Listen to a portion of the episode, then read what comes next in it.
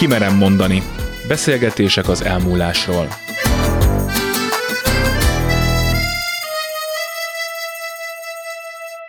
Sugár Ágnes vagyok, köszöntöm Önöket.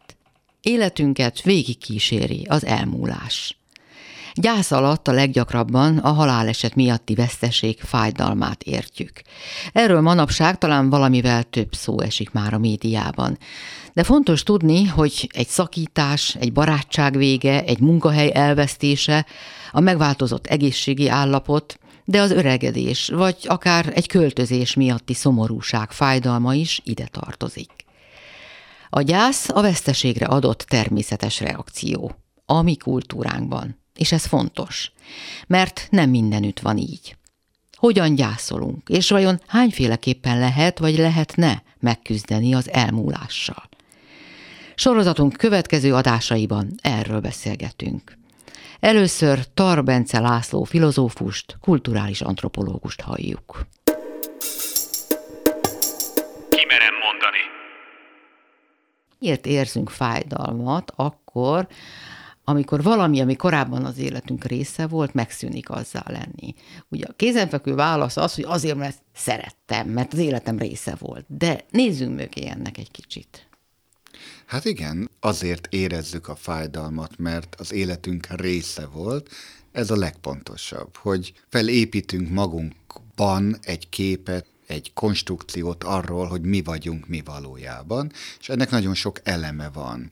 És ezeket az elemeket a legtöbb ember nagy erőfeszítések árán szedi össze, és rendezi úgy egymás mellé, hogy ebből egy építmény keletkezzen. Mondhatjuk, hogy építő kockákból teszi össze a személyiségét, az életét, az, hogy kicsoda ő valójában. Amikor egy ilyen alkotóelem kiesik, akkor úgy, mint egy épület esetében attól függ, hogy mennyire alap vető volt ez az ő életében, kezd el recsegni, ropotni az az építmény. Ha valami nagyon alapvetőt veszünk ki ebből, valami fundamentalist, akkor az egész konstrukció összedőlhet, és sok ember ezért fél valaminek az elvesztésétől, mert fél attól, hogy összeomlik az az építmény, ami akár ő maga a saját személyiség. Akkor is félhetünk az elvesztésétől, ha nem is szerettük annyira, vagy olykor sok nehézséget vagy terhet jelentett, és mégis a megszokás, a rutin, a biztosnak az ismerete, a szintén ad egy ilyen görcsös állapotot, görcsös érzést. Hát annyira, hogy amire az emberek önmaguk személyiségét vagy énképét építi, az nyugodtan lehet maga a rossz dolog is. Nagyon sok ember az sajnos az életét terhekre építi. Gondoljuk azt el, hogy már egy idős embernek a gondozása például, ez tényleg fizikailag, lelkileg és szellemileg is egy megterhelő feladat, tehát egy teher, Mégis, hogyha ez éveken át elhúzódik, ez a tartós betegápolás vagy gondozás az élet részévé válik, és erre építi valaki például az én képét. Úgy gondolja, hogy ezáltal ő gondoskodó, ő törődő, és ha hirtelen ez a rossz megszűnik, akkor pontosan ez a konstrukció hullik össze, hogy hát akkor hogyan tovább, ha már nincs kiről gondoskodni, hogy akkor milyen leszek én, ha már ezt nem kell tennem. Uh-huh. És ez is érdekes, hogy ilyenkor egy rossz dolog elvesztése még nagyobb rossznak tűnik, mint annak a megléte. Tehát a gyász, a veszteségi érzés az egy teljesen természetes reakció. Nem is lehetne másképp, tehát ennek meg kell történnie. Igen, hogy a veszteséggel kapcsolatos dolgot érzelmileg hogy reagálja le az ember. Azt nevezzük gyásznak, amikor az a változás, ami bekövetkezik valaminek az elvesztése miatt, a fejünkben egy sötét, egy negatív kép ként jelenik meg, és valójában ez egy, egy félelemnek a kivetítése egy adott változó helyzetre, hogy úgy gondoljuk, hogy attól sötétebb lesz az a jövő, mint ami előtte volt. Ezért gondoljuk azt, hogy azt a fajta borulátást és azt a negatív jövőképet, azt nekünk érzelmileg úgy kell megélnünk, hogy azzal a bánat, a szomorúság, sokszor a kiábrándultság jár együtt. Tehát a gyász egy elég összetett érzelmi állapot, azt mondtam, hogy érzéseknek egy halmaza, amiben nagyon sok negatív érzelem keveredik, és pont azért adunk neki egy, egy új címkét, és azt mondjuk, hogy ez egy gyászolás, mint folyamat, mert annyi minden kavarok benne, hogy nehéz rendet tenni benne, hogy mit is érzünk valójában. Tulajdonképpen meg kellene tanulnunk gyászolni is. Hol kezdődne ez a folyamat? Szétválasztanám azt, hogy mit gyászolunk. A gyásznak különböző fokozatai és mértékei vannak.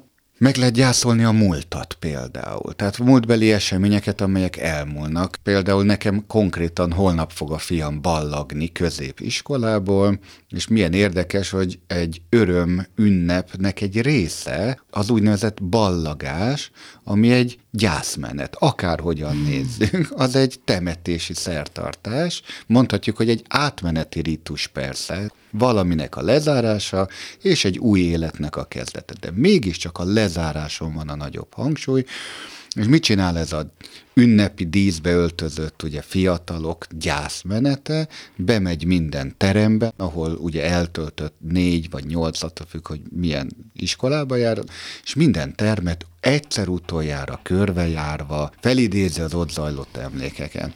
És nagyon sokan sírnak egy ilyen ünnepi menetnél. Mit gyászolnak ilyenkor a fiatalok? a fiatalságukat, a gyerekkorukat, az ott együtt töltött éveket, azt a közösséget, akit készülnek elhagyni? Hát ez is egy gyászszertartás, ez is a gyászolásnak egy módja, hogy felidézik azokat a múltbeli eseményeket, akár rosszak, akár jók voltak, egy lezárása történik így.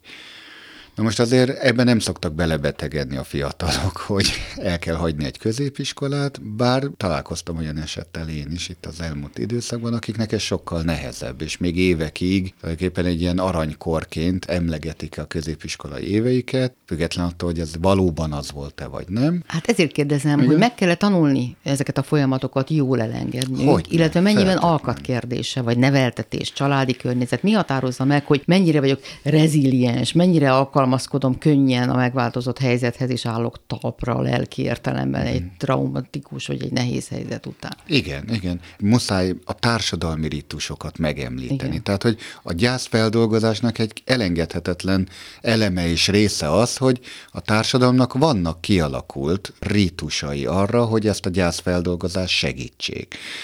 Tehát például az, hogy valakit eltemessenek, akkor is legyen temetési szertartása, például a holtest nem kerül elő. Ez egy általános gyakorlat, például háborús hősök, vagy akár tengeri katasztrófák esetén, ahol az elholtnak a konkrét fizikai teste nem kerül elő, akkor is lesz temetési szertartása, és akkor valami jelképes dolgot temetnek el. De hogy maga a temetés, mint a gyászfeldolgozásnak egyik társadalmi ritusa megtörténjen, az segíti ennek a feldolgozását. Manapság mondják, hmm. az baj például, hogy sokaknak nincsen olyan kijelölt helyük, ahova a hozzátartozók, az ismerősök, barátok utólag el tudnának járni, emlékezni. Tényleg baj ez? Mert nagyon jellemző a már például a szóratás, vagy a, vagy a folyókba, a vizekbe engedés. Én azt gondolom, hogy ez egy nagyon érdekes társadalmi változás, és pont mi társadalmunk érettségit és, és szellemi változásait is tükrözi ez, hogy nincs ilyen sírhelye nagyon sok embernek. Bizonyos kultúrákban ez teljesen természetes és általános. Hát ha például az indiai kultúrát hozom, ahol az égetés és ugye a hamvaknak a szétszóratása egy év ezredek óta gyakorolt temetkezési szokás, ott természetes, hogy nincs nyoma és helye a holtaknak, tehát nincs egy temető, ahová ki lehet járni. Az emlékét az elholtaknak egészen más, hogy őrzik a családok. Ez nem azt jelenti, hogy nem marad meg az emlékezetben, de nem kell hozzá egy külső fizikai hely, ahová, mint a gyászfeldolgozás része, el lehet zarándokolni, halottak napján virágot lehet vinni. Ez persze nem általánosan igaz az ázsiai kultúrákra, mert nagyon sok olyan ázsiai kultúra van, ahol igenis van sír, sőt, a halottakról képmások készülnek, akár szobrok, akár ilyen mumiaszerű fa, faragványok, és halottak napjához hasonló megemlékező ritusok tartoznak hozzá, ez mind-mind a gyászfeldolgozás segíti. Hogy baj-e az, hogy most nálunk egyre kevesebb van? Nem. Több okból sem, hogy a modern természettudományos világkép egyértelműen bebizonyítani látszik, hogy az emberi test nem azonos a tudattal, ami benne él. Az, hogyha van is bennünk valamiféle tudati principium, annak inkább hordozója és edénye az emberi test. Tehát a testet őrizgetni, testhez kötni azt a tudatosságot, ami benne úgymond utazik vagy megnyilvánul, az már egy meghaladott szemlélet. Tehát a testeknek az ilyen jellegű őrizgetése, az egy, mondhatjuk, hogy egy korábbi stádiuma az emberi kultúrának, ahol nem tudták eldönteni, hogy a test az valójában micsoda. Amikor még a sírhelybe használati tárgyakat, vagy akár Abszolút, a kedvenc állat tetemét is odarakták. Hogyne, vagy, vagy úgy készítették fel a hol testet egy túlvilági életre, hogy valóban tárgyi eszközökkel körbe rakták, étellel, állatokkal, használati tárgyakkal, ami majd esetleg a túlvilágon szolgálhatja őt. Meg nem magyarázza, hogy ezt mégis hogy gondolták konkrétan, hogy ezeket a tárgyakat valóban feltámad testben, ugye az az illető vagy valami érdekes ilyen szimpatetikus mágia alapján majd áttevődik ez egy másik világban, nem volt erre egy konkrét magyarázat, inkább egy hiedelemrendszer.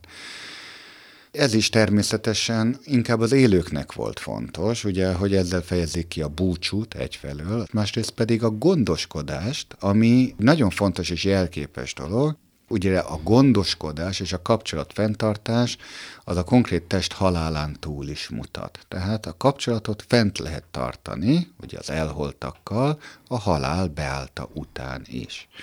Na ez viszont egy univerzális és egyetemes gondolat, nagyon fontos része a gyászfeldolgozásnak, hogy úgy érezhesse és gondolhassa a gyászoló, hogy a kapcsolat nem egyik pillanatról a másik pillanatra szakad meg, hanem van egy átmeneti időszak, amikor a holtak még az élők birodalmában tartózkodnak, szellem formájában, lélek formájában, vagy valamiféle tudati kapcsolat még fennáll, és ez annyira egyetemes hiedelem, hogy minden vallásban és minden kultúrában megjelenik. Hogy a halott nem azonnal távozik erről a világról, hanem van egy köztes lét, és bármit is jelentsen a túlvilági élet, vagy a halál utáni életnek a lehetősége, az nem rögtön és azonnal következik be, hanem ott még van egy periódus, amíg a halottak hallják az élőket, esetleg még lehet nekik üzenni, vagy ők is üzenhetnek úgymond erről a túlvilágról, és hát vannak természeti népek, ahol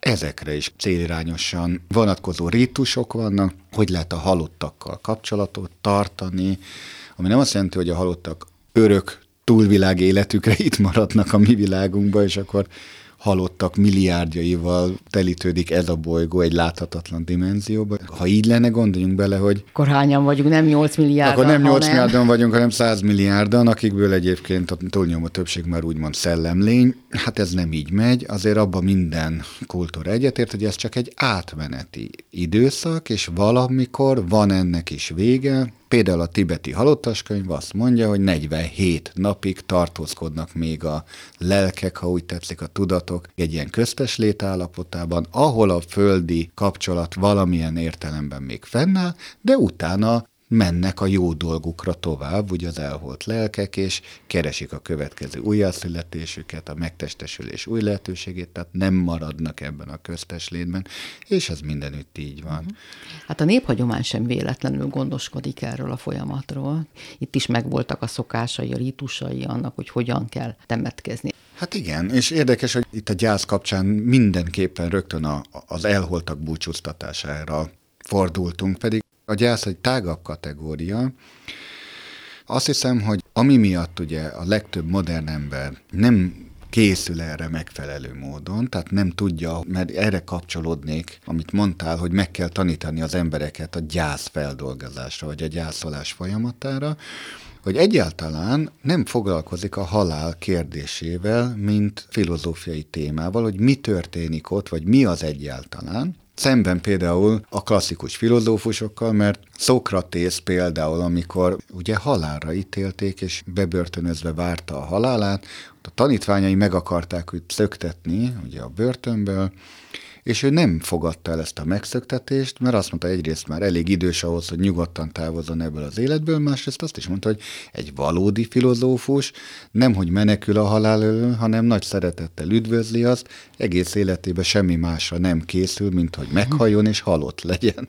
Szó szerint mondta ezt, hiszen a minden filozófus valamilyen értelemben hisz a lélekben, és abban, hogy ő nem a test, és amikor a lelke a testétől elválik, ezt inkább egy gyógyulásnak, egy felszabadulásnak tekinti, nem valamiféle büntetésnek vagy végzetnek, és hát erről szól egy nagyon híres tanítása Szokratésznek, ugye a Fajdrosz nevű dialógusban, ahol elmondja, hogy mit is kéne nekünk a halálról igazából gondolni. Mit is? Hát akkor röviden ezt, hogy az embernek meg kell értenie, hogy ő nem a teste, és a testében utazó szellem, vagy az az értelem, ami megnyilvánul, ugye a gondolatainkon, a szavainkon keresztül, az pont azt jelzi, hogy van bennünk valami, ami több, mint a nyelvünk, az a szerv, az agyunk, ami ezeket az izmokat mozgatja. Mi nagyon gyakran összetévesztjük a gépet a szellemmel. A testünk a gép, és a szellemünk az, ami ezt a gépet mozgatja és irányítja. És attól, hogy a gép tönkre megy vagy leáll, hiszen előbb-utóbb elkopnak az alkatrészek, ezt jelenti az öregedés, javíthatatlanná válik, ez semmilyen értelemben nem jelenti azt, hogy a szellem, aki ezt a gépet használta, az megszűnne létezni. Persze, jön a modern tudomány, azt mondjuk, hogy hát erre semmi bizonyítékunk nincs, hogy van egy ilyen szellem a gépben. Ugye a behaviorizmus azt mondja, hogy hát nem tudjuk megfigyelni csak a gép mozgásait, azt, hogy a gép mit csinál, hogy a gép beszél, hogy a gép szavakat formál, hogy a gép megtanul gondolkodni, az nem utal arra, hogy maga a szoftver, ami ezt működteti, maga a program, az egy önálló entitás is lenne. Hát pont a mesterséges intelligencia kutatás fog erre egyébként talán érdekes válaszokat hozni, hogy abban a pillanatban, hogy létrejön egy gépek által létrehozott intelligencia, aki valóban önmagát megtanulja énként értelmezni, és teljes mértékben önálló individuummá válik, akkor lehet azt mondani, hogy igen, elképzelhető, hogy az én, ami megnyilvánul bennünk, az nem egy szellemnek a, a megnyilvánulása, hanem valóban csak egy programozási nyelvnek az eredménye, de egyelőre erre nincs példa. Tehát nincs olyan mesterséges intelligencia, aki erre a szintre eljutna. Viszont érdekes, hogy minden gyermek három-négy éves korára eljut arra a szintre, amire a legszuperebb számítógépek egyelőre nem tudnak eljutni önmaguk által, csak ha szimulálják ezeket az intelligenciákat, hogy van öntudata, hogy van énképe, És ez, ez azért azt látszik egyelőre erősíteni, hogy bennünk születik egy ilyen szellem. És a testünk nem ez. Amikor gyászol, amikor veszteséget él át, akkor vajon ki éli át ezt a veszteséget? Ez a szellem? Vagy mindaz, amit a kultúránkból, a környezetünkből, a programjainkból kaptunk, és leszűrtünk, és megtanultunk. Tehát ez is egy automatizmus. És lehetne ezt másképp is csinálni? Hát a, a gyászreakció az mindenképpen automatizmus. Az annyira kulturálisan meghatározott, hogy hogy az, hogy hogyan reagálunk úgymond erre a veszteségre, például egy szerettünknek, vagy egy családtagunknak az elvesztésére, ez maximálisan kulturálisan meghatározott mintákat követ. Én, mint kulturális antropológus, Celebesz szigetén, Tana Toradzsában végeztem a terepmunkámat egy olyan benszülött törzsnél, akik érdekes módon a halált nem, hogy tragikus eseménynek, hanem kimondottan a legfontosabb, legnagyobb jónak tartották a világban, és az ő temetési szertartásaikról írtam a szakdolgozatomat, toradzsák temetkezési szokásai címmel. És ezek a toradzsák azt gondolják például, hogy az egész élet a túlvilág életnek az előkészítése, semmi egyéb. Minden embernek arra kéne törekedni egész élete során, hogy erényekben gazdagodjon, meg is határozzák, hogy nagyjából ezek micsodák, mint a nagy lelkűség, a közösségi gondolkodás, meglepően felvilágosult társadalmi, mondhatjuk, hogy kommunisztikus eszméket vallanak, amelyek arról szólnak, hogy nem az egyén a saját boldogulását keresse, hanem egy törzs közösségnek a boldogulását, és másokért tegyen. És aki ezekben az erényekben gazdagodik, az a túlvilági létben egy magasabb, mondhatjuk, hogy rangot fog kapni, és a temetési szertartása a legfontosabb. Tehát amikor ott valaki meghal, az egész törzs összeül ünnepelni.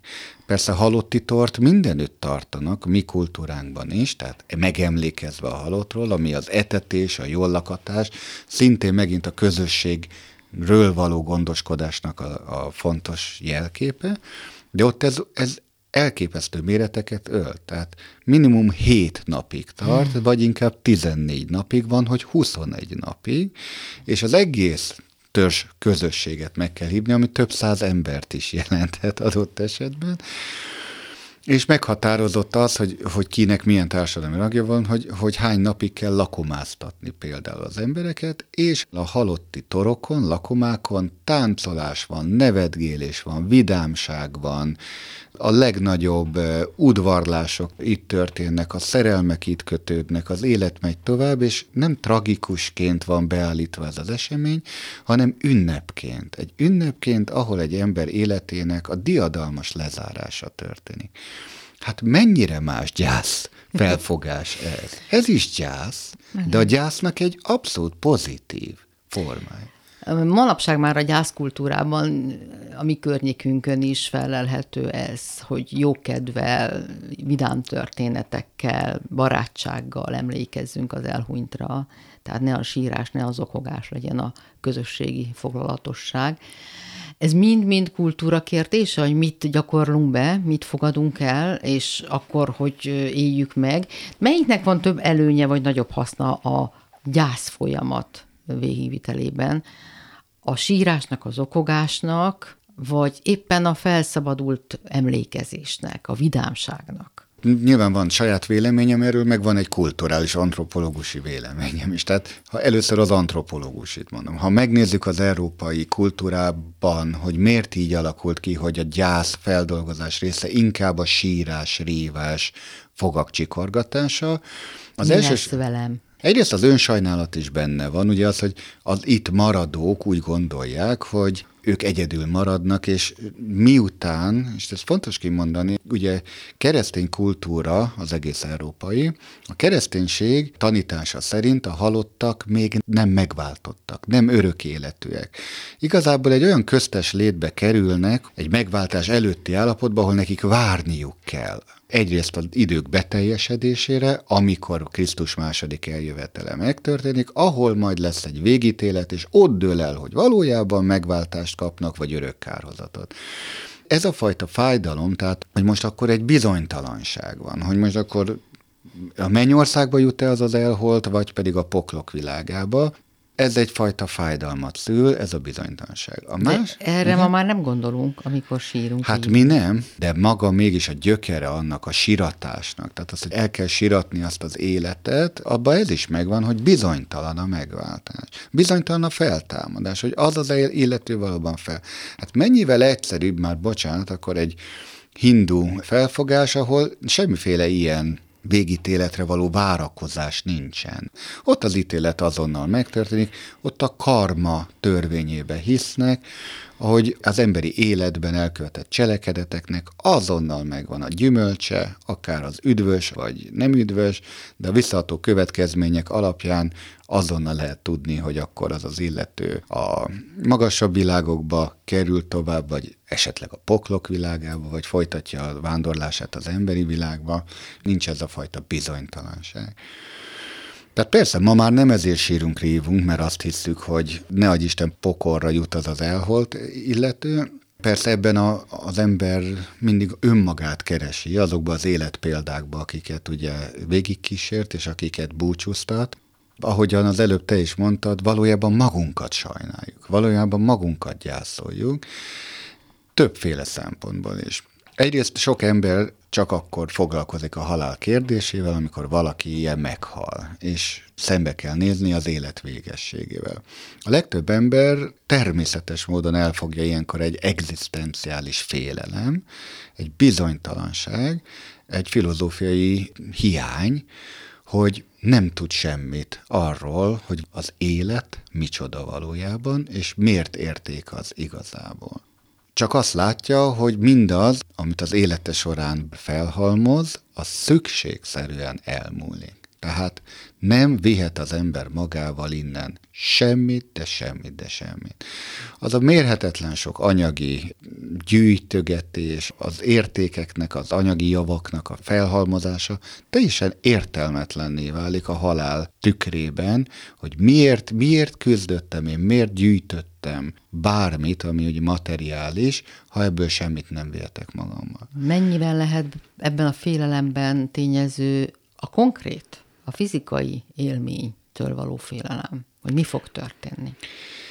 Ez is a tudatlanság. Meg én azt tudom mondani, Láma Angarika Govinda, egy buddhista tanító, nagyon szépen megfogalmazza, hogy ennek a, a félelemnek a tárgya ugye azért egy tulajdonképpen megint a tudatlanság, mert ha az ember tudata valóban kihúny a halál pillanatában, akkor nem fogja tudni, hogy meghalt. Ilyen értelme semmiféle tudomása nincs erről. Ha viszont nem huny ki a tudata, és megéli azt, hogy vele történik valami egyébként a halál után, akkor az meg nem halál annak a klasszikus értelmében, akkor a tudat valahogyan folytatódik. Tehát nincs mitől félni.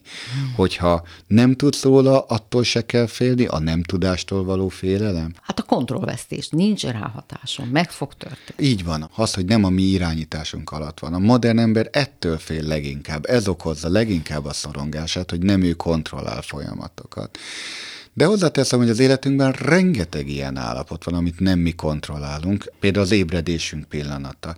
Meg tudja valaki előre határozni, hogy mikor fog ő fölébredni? Persze mondjuk beállítunk egy órát, és tényleg mindenki minden nap a vekkerre ébred, vagy azért van, hogy előtte már felébred, vagy lehet, hogy még utána fog felébredni, vagy például az elalvásunk pillanata. Meg tudjuk azt határozni, hogy mikor alszunk el. Dehogy is, dehogy is. Számtalan dolog van, hogy mikor emésztünk, vagy mekkora legyen a vérnyomásunk, vagy hányat verjen a szívünk. Tehát millió egy dolog van, ami akár csak testi vonatkozásban, mert semmiféle ráhatásunk nincs. Hát a halál is ilyen. Az emberek egyébként nem a haláltényétől, hanem a haldoklástól félnek uh-huh. sokkal inkább, és azt hiszem, hogy a szorongásnak is az egyik forrása inkább az, hogy maga a haldoklást se tanultuk meg. Tehát ha már ott tartunk, hogy gyászt meg kéne tanulni, akkor meg kéne tanulni magát a meghalás művészetét. Tehát, hogy hogy lehet meghalni, vagy hogy lehet az elmúlásra felkészülni. Ez viszont konkrétan akkor még egy lépése korábban visszavezet oda, hogy a veszteséget kéne megtanulni, kezelni. Kimerem mondani. Akkor lépjünk egyet hátra. Veszteséget számos formában, különböző mélységben élhetünk meg. De mi az, ami irányítja, ami meghatározza, hogy ilyenkor mi zajlik le bennünk?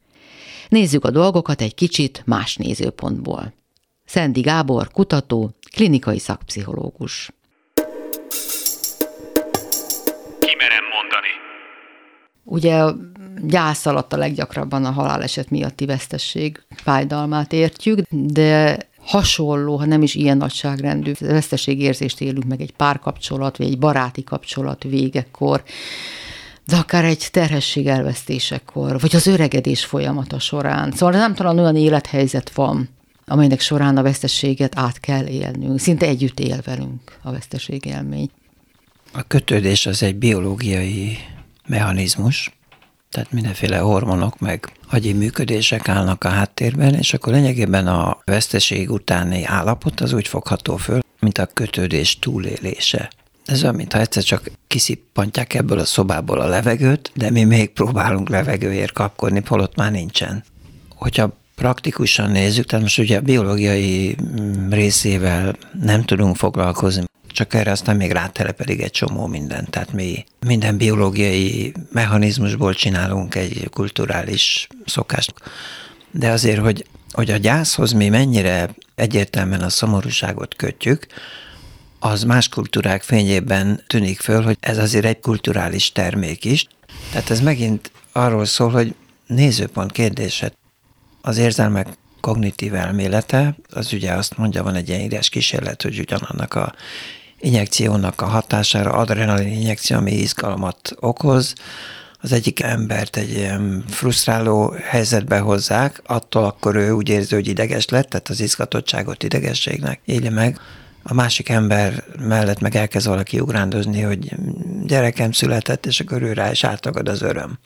Uh-huh. Ugye, hogy lottó öt találatostól is lehet infarktust kapni, meg egy hirtelen stressztől is lehet, tehát sok igazság van ebben a érzelem elméletben de nyilván vannak biológiai gyökerek, de ezt a társadalmi gondolkodás és szokás sok azok fölül tudják írni. Most a kötődés, ha a gyakorlati oldalát nézzük, tehát most túllépünk ezen a biológiai aspektusán, akkor ugye az úgy jelenik meg, hogy tele vagyunk olyan szokásokkal, amikben benne van a másik. Hogy vele szoktam kávézni, ő szokott ébreszteni reggel, ott szokott aludni mellettem, vagy ha barátok, akkor minden szerdán össze szoktunk jönni, ezer egy ilyen dolog.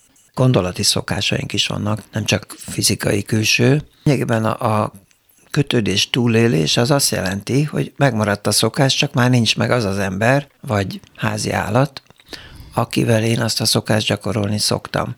És ezért az történik, hogy ahányszor nyúlnék, vagy hívnám őt, tehát a szokás működni kezd, akkor át kell írjam, hogy nem, ez a szokás már értelmetlen, mert ő nincsen, egy új szokás kialakítása az 15-30 ismétlésből áll.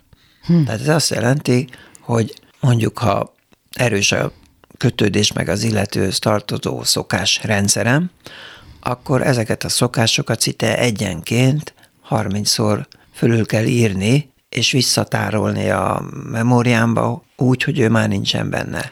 Hát és valószínűleg ez már csak abban a fázisban lehetséges, amikor az első megrázkodtatáson, az első sok hatáson túl vagyunk, amikor már a beszűkült állapot ból ki tudunk egy kicsit tekinteni. Mert hiszen az első reakció az többnyire, hogyha konkrétan a gyászról beszélünk, azért az mindig nagyon erős. Akkor is, hogyha ez egy szélsőséges magatartásban, sírásban, jajveszékelésben nyilvánul meg, és akkor is, hogyha egy, egy bénultságban, egy, egy felfoghatatlan állapotban.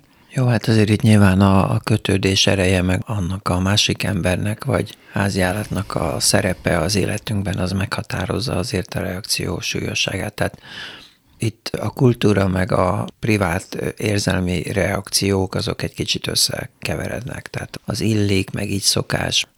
Sokan tréningezve vannak arra, hogy ilyenkor jaj, veszékelni kell, vagy zokogni kell. Nem az őszintességet vonom kétségbe, mert nyilván őszinték ezek a viselkedések, de hát szokásos szerepeket. Nagyon sok minden van a hátterében annak, hogy mit élünk meg egy kapcsolat elvesztésekor. Az is, hogy milyen volt ez a kapcsolat, és itt lehetnek nagyon ambivalens kapcsolatok is, nem csak tökéletes. Igen, hát a, az ambivalens érzések is tovább élnek, nem csak a kötődés, úgyhogy akkor ilyenkor szoktak bűntudatot érezni az emberek, mert egy ilyen lezáratlan belső vita volt a másikkal, és akkor az illetővel már nem lehet tisztázni többet. Hát nyilván a szimbolikus gesztusok is fontosak, tehát az elsíratás, maga a temetés, meg a temetési szertartás is abban segít, hogy tényleg lezárul, tehát egy ilyen drasztikus, hogy vágjuk el a szokásainkat. Aztán nyilván emberi különbségek vannak abban, hogy az egyik ember szeret hosszasan hát emésztődni, rágódni, újra és újra gyötrődni. Tehát ez már egy, egy messzire vívő dolog, hogy hogyan szabályozzuk az érzelmeinket. Ugye én azt szoktam mondani, hogy múlt és jövő nincsen, de ettől még a kultúra úgy tekint ezekre, mint létező dolgokra, tehát, tehát akkor sokan elmerülnek a múltba, most ha már az öregedést említette, ugye, hogy nézegetik, hogy jó, milyen szép voltam én régen, Na lehet, ez csak egy fénykép. Amíg nem volt fénykép régen, 200 évvel ezelőtt, addig mit nézegettek? Hát festmények nem készültek átlag emberekről. Még tükör se volt sokáig. Igen, de hát akkor beszélgessünk egy kicsit az öregedésről, mert azért az is egy nagyon nehéz folyamat, fokozatosan csúszunk bele, nyilván fokozatosan szembesülünk vele, de azért mégiscsak eljön az a pont, amikor konstatáljuk, hogy már semmi sem olyan, mint régen, és ez nem csak a fotók miatt van, amikkel látjuk, hogy a volt iskolatársaink hogy megöregedtek, ahhoz képest, amilyenek voltak, és akkor belenézünk a tükörbe, és elcsodálkozunk, hogy jé, mi is. De azért ez mégiscsak együtt jár például egy fizikai hanyatlással, vagy hát ha egészségesek is vagyunk, de egy állóképesség csökkenéssel, minden tekintetben rugalmatlansággal. Szóval, hogy ezzel mit kezdjünk? Ennek az elfogadásával, mert ez is tud szorongató lenni, vagy szomorúságot okozni. Hát mondjuk azt, hogy aki szeret szomorú lenni, hát rajta. Tehát lényegében, amit mondtam, hogy a múlt nincs, meg a jövő sincs, ebből az következik, hogy csak a jelen van. Ha én ezt komolyan veszem, hát én igyekszem komolyan venni, tehát hogy az életemet próbálom ehhez igazítani, akkor lényegében csak az van, hogy hát még tudok járni, kelni, még fog az agyam, még működik a testem, ha valami nem működik, hát akkor megjavítatjuk, és kár azon gondolkodni, hogy mennyivel jobban ment ez régen, már mit nem tudok. Ugye ez, ez mindig egy összehasonlítgatás. Az emberek nem csak magukat hasonlítgatják, a múltbeli magukat, meg a mostani magukat, meg a jövőben itt, hogy úristen, hova fog ez vezetni, ha már most itt tartok. Ugye pillanatok alatt szörnyű gondolatokat tudunk generálni, és teljesen padlóra visszük magunkat. De hogyha csak azt mondjuk, hogy egész jól elfunkcionálok még most is.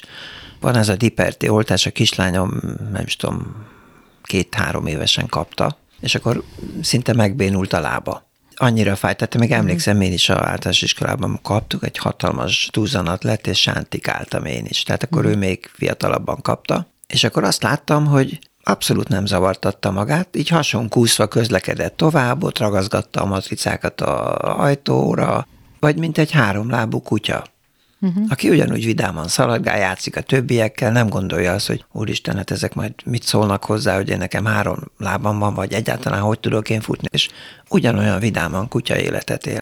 Ha őket tekintenénk példának, akkor többet nem azt néznénk, hogy mit veszítettünk el, most már ez így közhely, ugye, ha ezt mondom, hogy ne azt nézzük, hogy mit veszítettünk, hanem mi van még, és ne arra gondoljuk, hogy mit fogunk még veszíteni. Ezek így nagyon közhelyes gondolatok, az emberek legyintenek erre, és mégsem így működnek.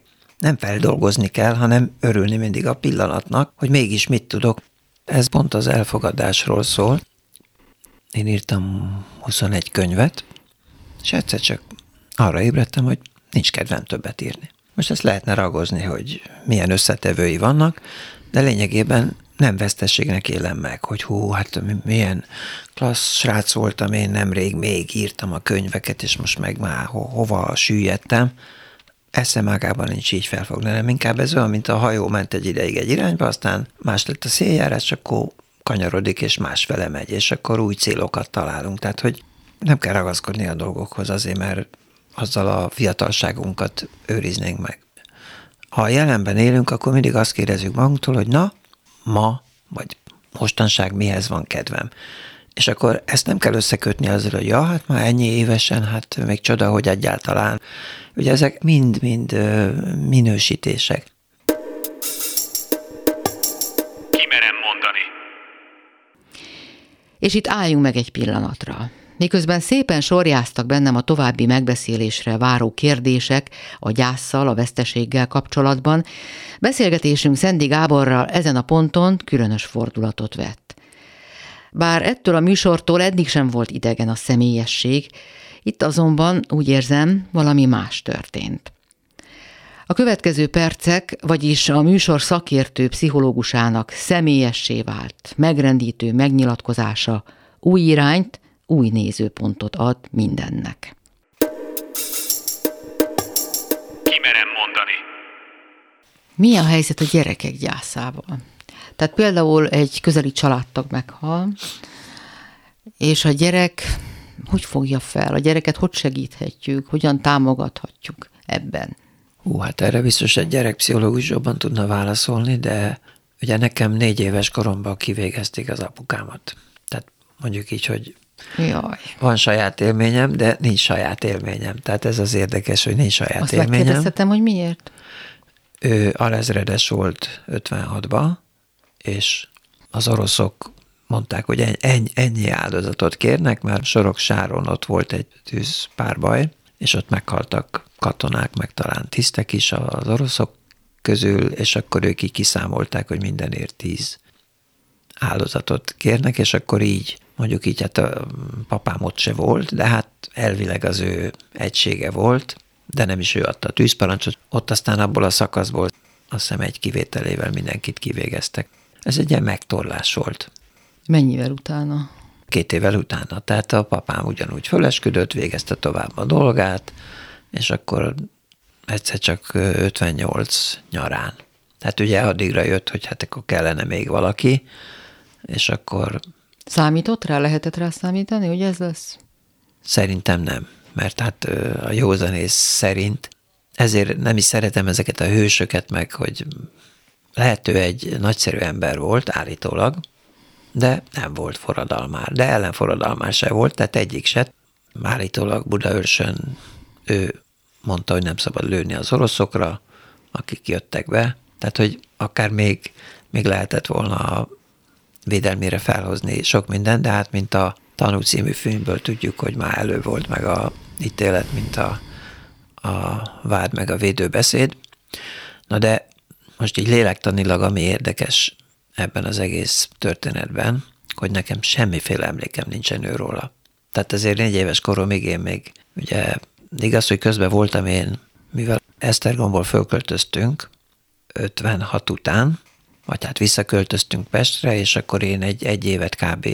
vidéken töltöttem a nagymamánál, meg a nagypapánál, tehát ez az idő kiesik, de azért én találkoztam végül is az apukámmal azért mhm. előtte, meg utána, de semmiféle emlékem nincsen róla. Az se, amikor elment utoljára?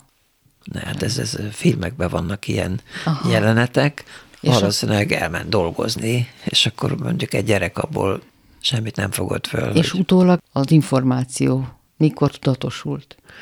Hát kamasz koromba az édesapámnak a testvére szintén alezredes volt, és akkor mind, minden rokonnal megszakadt a kapcsolat, mert mi voltunk a pestisesek, vagy a leprások, meg a szegények, tehát itt az összefogás az nem működött, és akkor így kamasz korunkban egyszer csak megjelent a két unokat hugunk, az édesapám halála után engem egy évre magukhoz vettek vidékre, Kaposvára.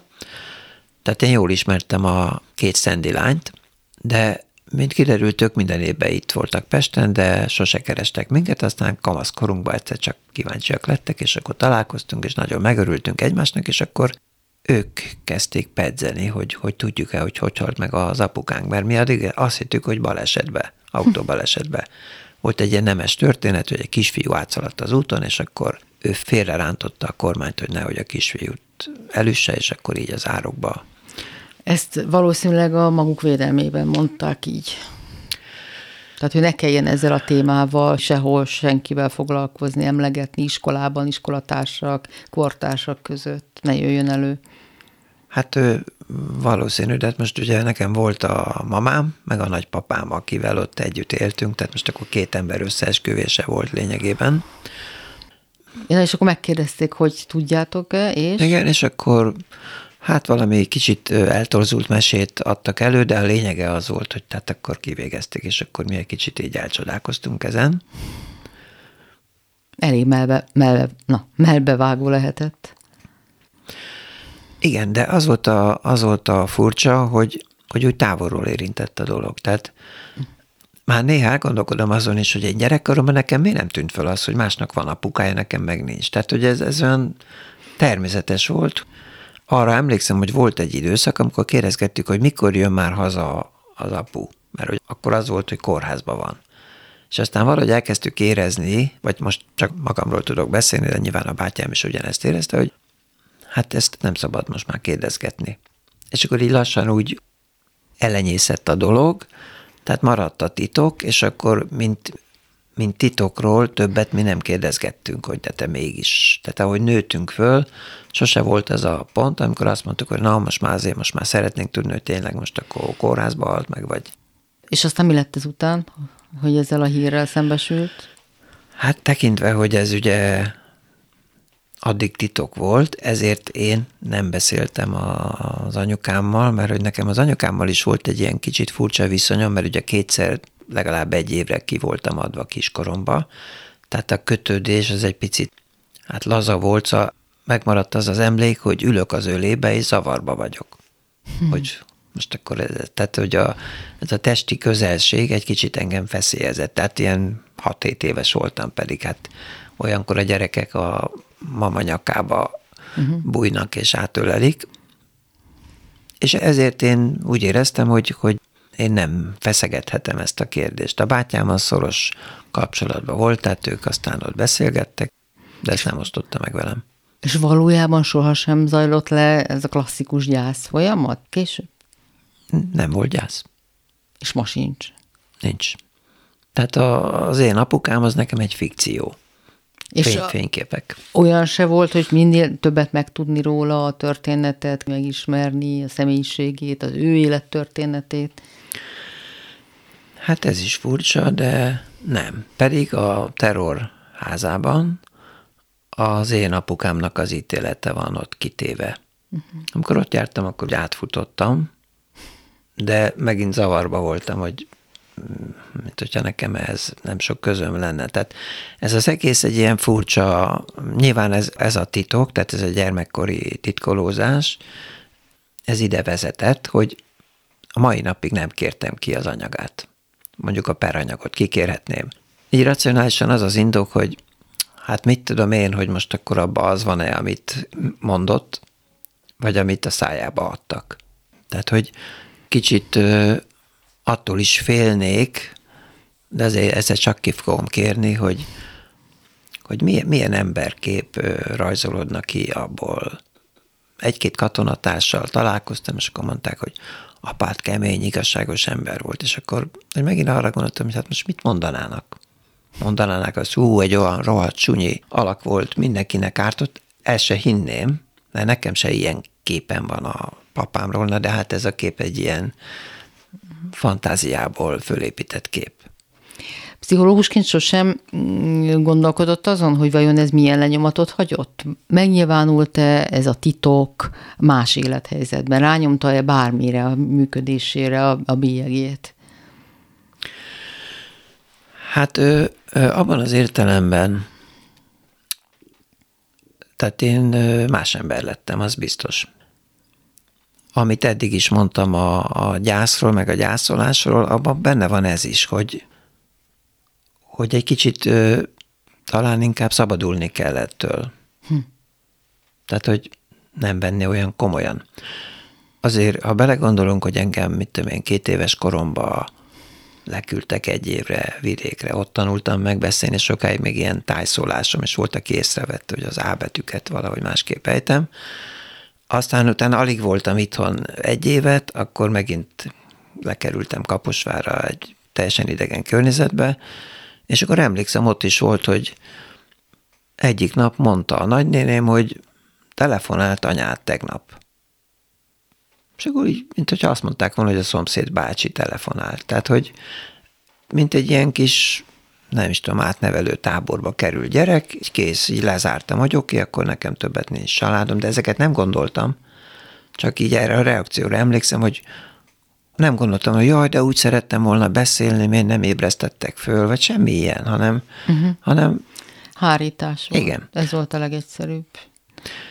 Jó, de ez, ez egyben azt is jelenti, ugye van ez a reziliencia nevű tulajdonság, ez a megtörhetetlenség vagy, vagy rugalmasság. Én azt gondolom, hogy ettől reziliensé váltam. Tehát, hogy kevésbé fog a golyó. Uh-huh. Az nem azt jelenti, hogy nem fog, meg engem is megkínoznak veszteségek, de gyorsan túlépek rajta. Tehát ez a túlélési technika, én ezt, ezt tulajdonképpen nem sajnálom, hogy én ilyen vagyok soha nem jött elő semmilyen formában. Szokták ugye mondani, hogy aki nem végez el egy gyászmunkát, az egy következő hasonló esetnél akár sokszoros fájdalmat él át. Tehát ez elő se fordult, ilyen nem volt. Hát igen, csak ezek a, ezek a megközelítések tartok tőle, hogy ezek spekulációk. Valójában arról beszélnek, hogy ő szerintük hogy kéne lenni a dolgoknak, hogy hogy lenne nagyon etikus, meg hogy hogy lenne nagyon teljes és emberi. Ha valakit később egy másik veszteség sokkal jobban megvisel, annak valószínűleg meg lehet a konkrét okát találni. Ezer egy meghatározó lehet annak, hogy a súlyosabban éli meg, hogy ott egy rekeszben eltárolódott a régi gyász energiája, és aztán az most hú kitört, én ebben nem hiszek. Említette, hogy a veszteséget természetesen megtapasztalja, vagy a veszteségérzést. Akkor mi történik egy reziliens embernél? Hát egy kicsit ugye megroppan, megtörik, és utána most vegyük azt az esetet, hogy előbb-utóbb azért ha nem patológiás gyászról beszélünk, akkor előbb-utóbb mindenki fél egy év múlva lassan fölöcsúdik, és visszatér a régi kerékvágásba. Na most a reziliens ember lényegében ezt a folyamatot gyorsítja föl, vagy felgyorsulva zajlik le benne. Tehát sokkal hamarabb tud újra visszatérni az életéhez, és tudomásul venni, hogy az élet megy tovább, és ez a veszteség, ez, ez őt nem tudja megakadályozni abban, hogy élje tovább az életét. Kimerem mondani. Köszönöm figyelmüket! A műsor elkészítésében munkatársaim voltak Rózsahegyi Gábor, Gál Bence és Kemény Dániel. Sugár Ágnest hallották. Kimerem mondani. Beszélgetések az elmúlásról.